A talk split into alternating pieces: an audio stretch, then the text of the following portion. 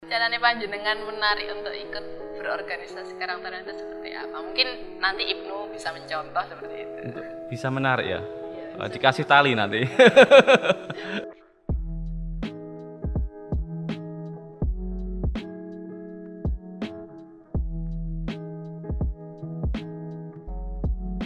Assalamualaikum warahmatullahi wabarakatuh. Bertemu lagi dengan saya Mardia Habibur Rahman tentunya di konten Kuli Podcast di channel Yoiki Purworejo Ibnu IBPNU Purworejo. Nah, kebetulan hari ini eh, kita kedatangan tamu dari Ketua Karang Taruna Desa Purworejo. Nanti pastinya kita akan eh, berbincang-bincang sedikit mengenai organisasi Karang Taruna. Beliau adalah Mas Saifuddin. Assalamualaikum Mas. Waalaikumsalam. Bagaimana kabarnya? Alhamdulillah. Ya, nanti eh, saya mohon izin untuk bertanya ya tentang pendapatnya seperti itu.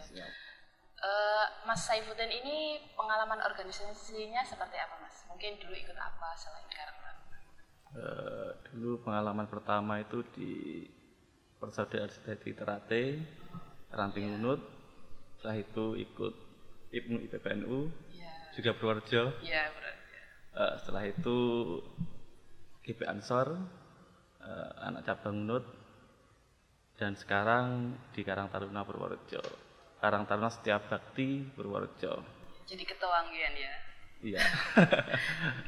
Jadi eh, jenengan kan juga jadi ketua di Ibnu dulu dan Iya. sekarang juga jadi ketua di Karang di Karang Taruna.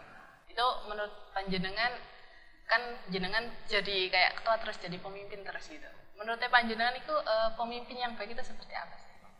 Eh, sebenarnya saya itu tidak ingin jadi pemimpin. Oh tidak ingin sebenarnya. Tidak ingin, karena eh, pertama kali di Ibnu itu dipilih untuk jadi ketua, itu saya merasa pada waktu itu ya emang belum pantas, tidak pantas jadi ketua. Tapi nggak tahu eh, pada waktu itu kenapa teman-teman kok memilih saya.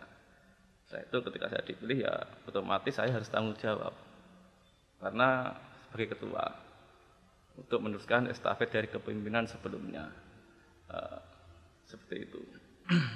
Dulu eh, kesulitannya jadi pemimpin itu apa sih panjenengan yang selama jenengan alami jadi ketua? ya? Eh, kesulitan menjadi ketua ya dalam organisasi.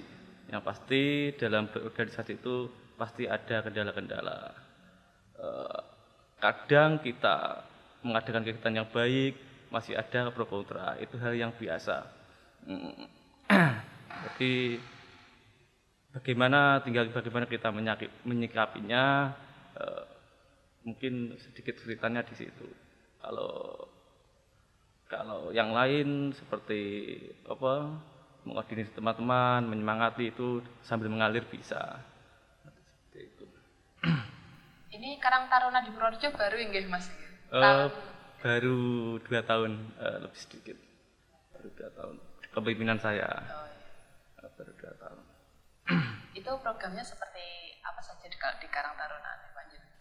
Kalau di Karang Taruna itu eh, kan ada lembaga-lembaganya, seperti lembaga rohanian, ada apa eh, olahraga, kesenian seperti itu, dan juga eh, lingkungan hidup. Seperti kemarin lingkungan hidup mengadakan program kerja yang baru saja itu eh, membersihkan rumput-rumput di eh, pemakaman umum di desa Purworejo seperti itu.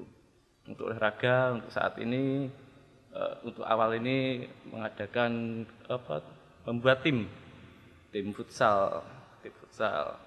Sudah mulai jalan.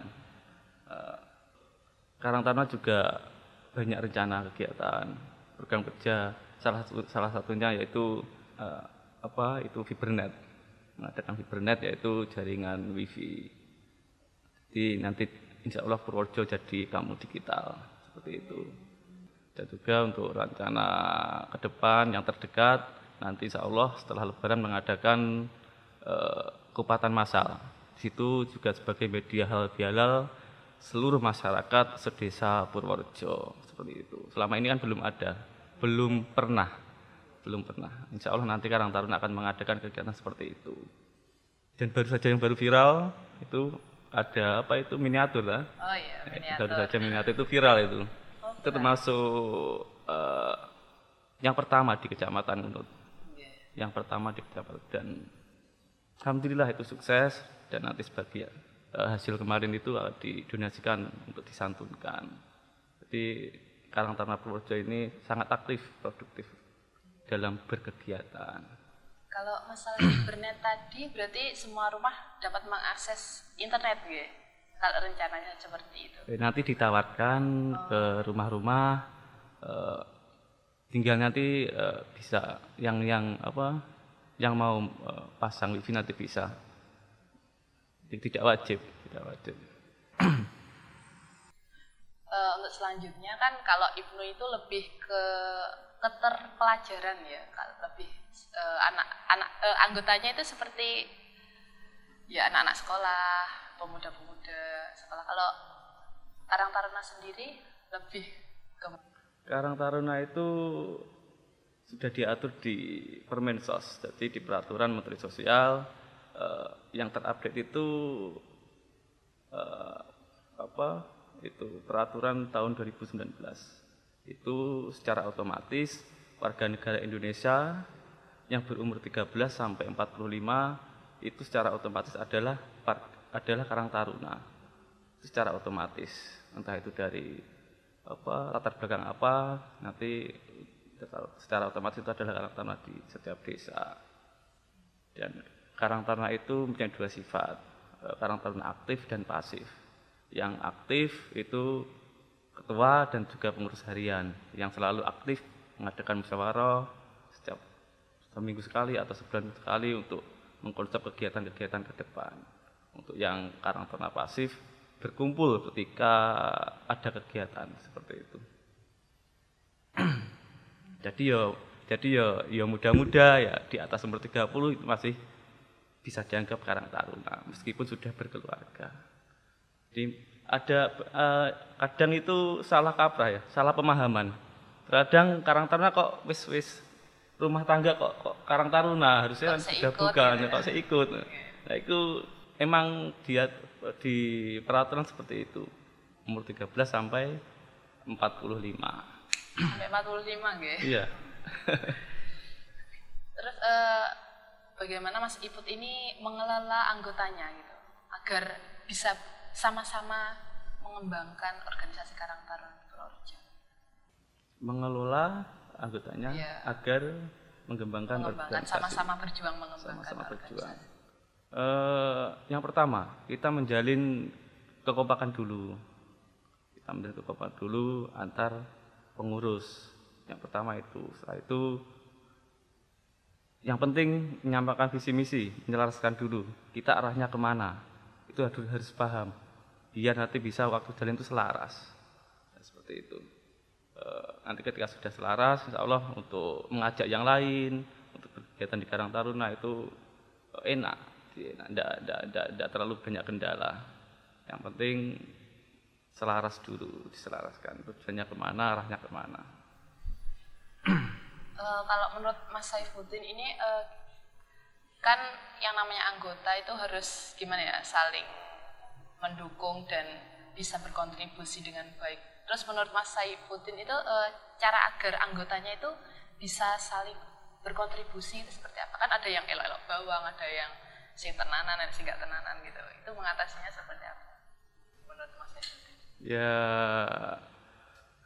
apa itu? Kan anggotanya banyak. Jadi emang kadang dapat dikatakan seelok-elok bawang. Oh. Yang penting itu bagaimana kita mengajak semuanya untuk selalu hadir dalam kegiatan, merangkul semuanya. Nanti dengan sendirinya mereka akan memberikan kontribusi dengan sendirinya secara otomatis. Ketika terus diajak berkegiatan, berkegiatan, nanti akan timbul rasa memiliki organisasi tersebut. Nanti ketika sudah memiliki rasa apa? Ketika sudah mempunyai rasa memiliki terhadap organisasi tersebut, nanti secara otomatis pasti mengontribusikan waktunya, tenaganya untuk organisasi tersebut. Yang penting yang pertama tahap awal kita rangkul, diajak kegiatan terus, diberikan pemahaman kaitan organisasi bahwa kita ini eh, bagian dari pengabdian masyarakat arahnya ke situ dan juga pengembangan potensi-potensi yang ada di anggotanya masing anggota tersebut. Untuk selanjutnya, seberapa besar dukungan dari perangkat desa gitu untuk Karang Taruna sendiri? Dukungan. Uh, dukungannya dari perangkat desa. Gitu. Ya alhamdulillah sejak saya menjabat sebagai ketua Karang Taruna di Desa Purworejo itu ketika kita mengajukan untuk mengadakan kegiatan apa pun itu terus mendukung terus mendukung baik itu ya anggaran dan lain-lain itu terus mendukung karena kegiatan Karang Taruna di Purworejo itu jelas arahnya jelas kegiatannya arahnya jelas positif itu jadi memang sangat mendukung sangat mendukung uh, untuk kendalanya selama menjadi selama mengelola Karang Taruna itu seperti apa menurut Panjenengan? Mungkin kan kalau dari perangkat desanya sendiri mendukung gitu. Iya. Pasti ada kendalanya, ada hambatannya selama mengelola Karang Taruna. Alhamdulillah di Purworejo ini tidak terlalu banyak kendala hambatan. E, karena yang penting ketika, ber, ketika berorganisasi itu e, kita bergerak terus, maju terus, militan. E, jadi ketika sudah bergerak terus kompak rukun bersama-sama itu uh, akan mudah tidak terlalu banyak kendala yang berarti untuk pengalaman saya di Karang Taruna Project itu tidak terlalu banyak kendala kan saya lihat-lihat itu anggota Karang Taruna itu banyak sekali ya, itu banyak cara banget. caranya panjenengan menarik untuk ikut berorganisasi Karang Taruna itu seperti apa? Mungkin nanti Ibnu bisa mencontoh seperti itu. Untuk bisa menarik ya? Iya, bisa. Dikasih tali nanti. Oh, iya. Oke, kasih tali. Iya, ditarik sama tali. Uh, uh, ini itu sedikit canda. Uh, apa untuk menarik? Ya kita harus mengamati situasi, situasi, situasi dan kondisi. Terus saat ini apa yang lagi booming kan gitu? Apa yang lagi disukai banyak pemuda. Nah, seperti itu. Ya seperti contoh eh, yang saya sebutkan tadi miniatur, seperti contoh. Itu kan yang lagi digandrungi saat ini. Bahwa kita berani mengambil itu. Melewati itu. Kita berani, yang penting berani. Itu. Nah, otomatis ya kan digandrungi otomatis banyak yang tertarik ikut banyak yang ikut andil dalam kegiatan tersebut.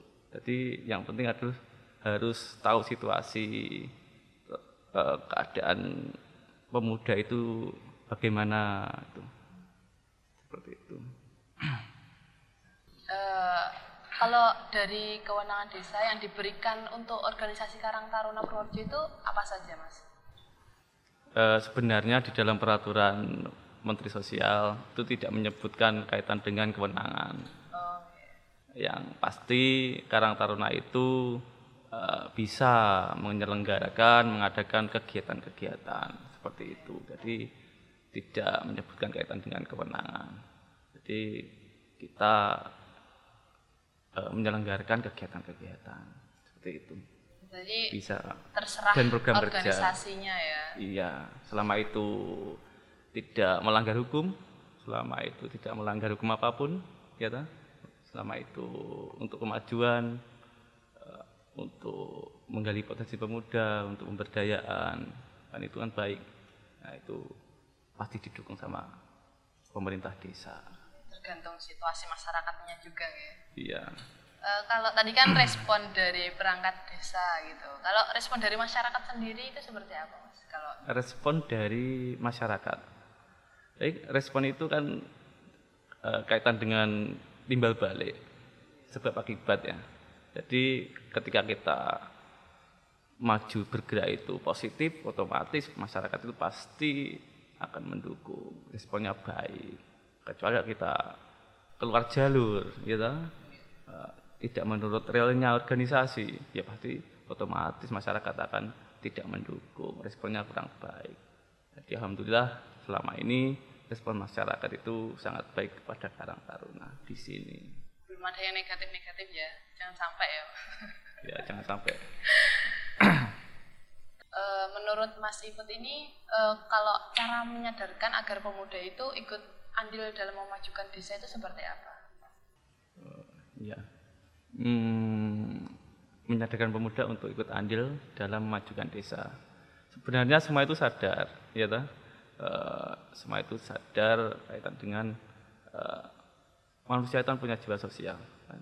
masuk makhluk sosial pasti punya kesadaran untuk ke arah situ hanya saja bagaimana seorang leader pemimpin dan juga pengurusnya itu terus mengajak terus merangkul.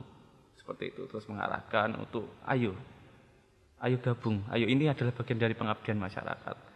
Apa yang bisa kita beri kepada masyarakat? Itu yang penting. Nah seperti itu.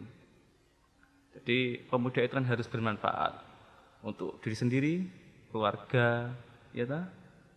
dan untuk masyarakat untuk umum. Jadi bagaimana kita itu mengajak terus mengajak insya Allah itu akan terus jalan akan terus berkembang. Seperti itu. Uh, untuk selanjutnya ya Mas, uh, ada nggak sih uh, kayak dampak positif ataupun negatif setelah Karang Taruna itu ikut andil gitu dalam desa? Begitu. Uh, dampak positif ya, dampak positif setelah Karang Taruna itu ada uh, dalam desa itu seperti yang baru saja, yang saat ini ya, yang saat ini uh, kaitan dengan pencegahan COVID-19 ya ta? Yeah. virus corona itu. Itu sangat bag, uh, sangat baik. Jadi dampaknya positif banget. Ketika Karang Taruna itu ada sudah kompak sebelumnya ya ta? sudah kompak sebelumnya. Ketika ada pencegahan ini bisa langsung serentak. Bisa langsung serentak untuk pencegahan secara bersama-sama jadi dampak positifnya seperti itu jadi ketika sudah organisasi itu anggotanya sudah kompak, sudah jalan, itu insya Allah apa pun yang dihadapi di depannya itu ke depan itu insya Allah bisa melewatinya. Dampak positifnya seperti itu. Untuk dampak negatif itu sepertinya tidak ada. Jadi sepertinya tidak ada dampak negatifnya. Karena organisasi itu emang penting dan manfaatnya itu banyak gitu. Banyak. Organisasi kan seperti keluarga, seperti kita berkeluarga, seperti itu. Jadi kita belajar bagaimana berkeluarga, bagaimana kita bersama-sama untuk untuk mencapai apa yang kita tuju seperti itu. Uh, dulu kan panjenengan ya jadi ketua Ibnu gitu. Terus ya. kalau menurut panjenengan uh, sama nggak sih? Saya jadi ketua Ibnu cuma dua hari ya. Masa? Dua tahun ya. Aku ter speechless ya. kalau uh, karena panjenengan dulu jadi pernah jadi ketua Ibnu IPPNU di Purworejo mungkin menurut panjenengan sama nggak sih andil Ibnu IPPNU sama Karang Taruna itu sama nggak sih andil ke dalam masyarakat desanya gitu ikut andilnya sama nggak sih? Atau mungkin ya, kan punya uh, punya punya punya wadah yang berbeda ya. Uh, pada dasarnya ini kan wadah uh, untuk mencetak kader kader NU untuk masa depan kan seperti itu. Arahnya kan seperti itu. Tapi tetap kan pengabdian masyarakat tetap ke masyarakat tetap. Untuk Karang Taruna sendiri sifatnya kan umum. Iya. jadi seluruh pemuda yang ada di desa entah itu dari latar belakang Ibnu atau Ansor atau yang lain jadi seperti itu beda, sedikit beda jadi yang jelas eh, alhamdulillah jadi Ibnu di sini ketika ada kegiatan Karang Taruna itu terus ikut mendampingi, ikut menyengkuyung. Jadi pada intinya sama. Ibnu pun tetap ikut andil dalam memajukan desa, dalam rangka pengabdian masyarakat dan lain-lain. Seperti itu. Uh, dulu kan panjenengan pernah jadi ketua pastinya. Iya. Dua tahun gak bukan dua hari. Iya dua dua tahun, mungkin lebih uh, dua hari. Oh, okay. Dulu itu uh, pengalamannya seperti apa selama ikut organisasi BPPN? Mungkin lebih ke arah pengalaman yang unik-unik ya, oh, okay. yang saya ceritakan. Uh, dulu ketika saya menjadi anggota yang masih diketuai Mbak Fitri dan Mas Adib, uh, senior saya itu ada sesuatu kejadian yang tidak bisa, mungkin belum bisa saya lupakan, masih teringat ketika mengadakan Makesta mungkin terlalu lelah jadi ketua panitianya itu pingsan. Wah jadi gotong-gotongan itu semadrasah itu. Itu salah satu uh, pengalaman yang uh, sulit untuk dilupakan. Setelah saya menjabat jadi ketua saya mengadakan maketa ya ada lagi seperti itu. Tapi pesertanya yang pingsan. Oke.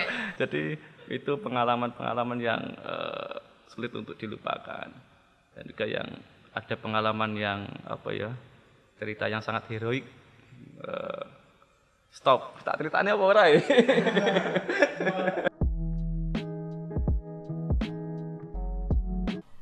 Jadi pengalamannya lebih ke cerita-cerita masa Makesta gitu. Iya. Ada lagi anu, dulu itu eh, pada periode saya itu ketep, ketepaannya apa ya? Ketepatan. Dulu itu ketika periode saya itu selama dua tahun itu ada beberapa kali itu kegiatan wayangan di masyarakat. Nah, itu seperti itu. Jadi kami manfaatkan untuk mengadakan parkiran, buka parkir itu eh, pada waktu itu sangat eh, hasilnya alhamdulillah itu luar biasa. Jadi itu beberapa pengalaman saya di periode saya kemarin. Sampai nggak salah itu tiga kali mengadakan membuka parkiran itu. Eh, jadi alhamdulillah hasilnya bisa untuk kas, untuk berkegiatan Kar- eh, Karang Taruna. Jadi alhamdulillah eh, hasilnya itu bisa untuk kas, untuk menambah kas, untuk kegiatan ibu seperti itu. Kalau harapan panjenengan untuk ke depannya baik Ibnu IPPN Purworejo ataupun Karang Taruna itu seperti apa? Harapannya saya eh, kepada Ibnu IPPNU eh, Ranting Purworejo harapannya eh, teruslah berkembang, teruslah ber- teruslah berkarya. Jadi saya melihat Ibnu IPPNU Ranting Purworejo ini semakin maju, semakin berkembang, alhamdulillah ya, alhamdulillah itu terus semakin maju dan semakin berkembang, terus berinovasi. Jadi untuk harapan kepada Karang Taruna eh, ke Karang Taruna atau ke pemudanya Eh, dua-duanya, Mas. di dan juga eh, harapan ke Karang Taruna ya. Jadi lebih ke pemuda. Jadi harapan saya selaku Ketua Karang Taruna berharap kepada semua pemuda sedesa Purworejo untuk terus bergerak bersama-sama Kalau menurut panjenengan dengan adanya Ibnu IPPNU Purworejo ini mengadakan podcast itu seperti apa tanggapannya panjenengan? Eh, sangat luar biasa, sangat luar biasa. Mungkin di Kecamatan Ngunut eh, yang ibunya mengadakan seperti ini sudah ada belum? Ya baru ini dan Baru baru ini kan? Ya itu luar biasa, sangat luar biasa. Jadi nanti bisa menjadi percontohan untuk ranting lain mungkin ya. Jadi dengan adanya ini juga bisa kita menginformasikan perkembangan Ibnu IPPNU lebih luas ke masyarakat. Perkembangan pemuda di Purworejo itu ke, lebih luas ke masyarakat. Seperti itu. Eh, untuk yang terakhir nggih Mas, eh, pesan untuk generasi muda saat ini tuh seperti apa? Jadi pesan untuk generasi muda saat ini ya jangan sampai salah jalur, salah jalan, jangan sampai eh, menggunakan narkoba atau sesuatu yang dilarang oleh hukum negara, hukum agama seperti itu. Dan yang terpenting jangan lupa dengan kewajibannya untuk generasi muda saat ini hormati orang tuamu, hormati guru, hormati orang lebih tua. Jadi hormati orang tuamu, hormati gurumu. Jadi itu penting. Eh, terima kasih kepada Mas Iput eh, Ya. telah meluangkan waktu untuk hadir di Kuli Podcast ini. Eh, semoga nanti yang jenengan sampaikan bermanfaat untuk kita semuanya. Amin. Terima kasih. Mungkin eh, itu tadi ya sesi eh, Kuli Podcast pada kali ini. Sekian dari saya, mohon maaf apabila ada kesalahan. Wallahul muwaffiq ila Wassalamualaikum warahmatullahi wabarakatuh.